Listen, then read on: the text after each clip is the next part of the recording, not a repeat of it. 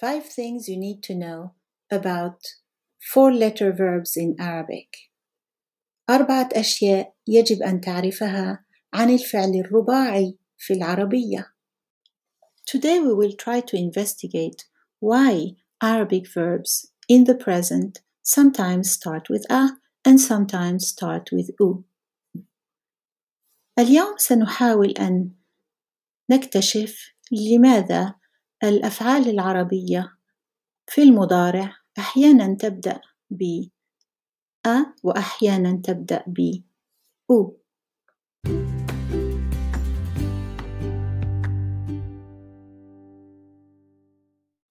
استمع إلى الأفعال العربية الآن في الماضي وفي المضارع ولاحظ كيف أنها في المضارع أحيانا تبدأ بالضمة وأحيانا تبدأ بالفتحة. Listen to the Arabic verbs now in the past and in the present. Notice that in the present they sometimes start with a and sometimes with u.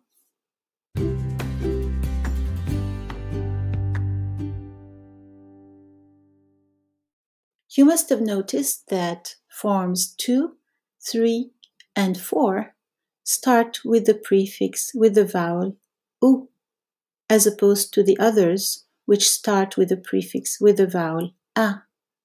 لابد أنكم لاحظتم أن الفعل الثاني والثالث والرابع آه، تبدأ هذه الأفعال تبدأ بالضمة في بداية الفعل form 2 يفعل form 3 يفاعل form 4 يفعل خمسة أشياء يجب أن تتذكرها عن الفعل الرباعي في المضارع Five things you need to remember about the four-letter verb in the present.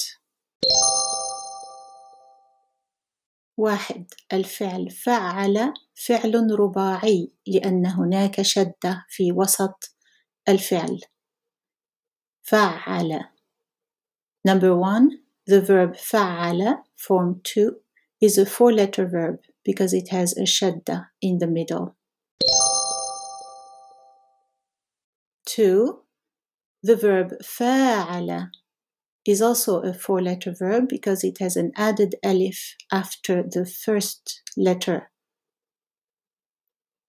اثنان الفعل فاعل أيضا رباعي لأن فيه ألف زائدة بعد الفاء. Three,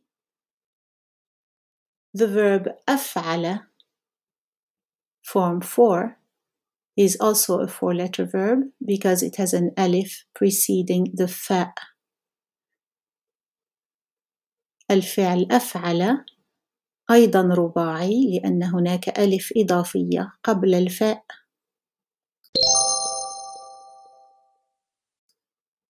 And the fourth thing you need to know about the Arabic verbs of four letters is that there will always be a vowel u on the prefix throughout the conjugation. والشيء الرابع الذي يجب أن تعرفه عن الفعل الرباعي هو أنه في المضارع دائما هناك ضمة في بداية الفعل في كل التصريف.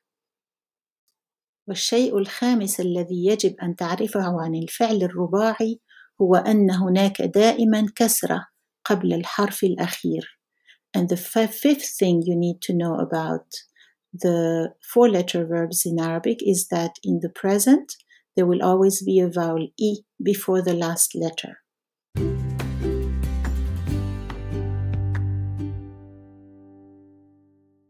Check out my books on Amazon.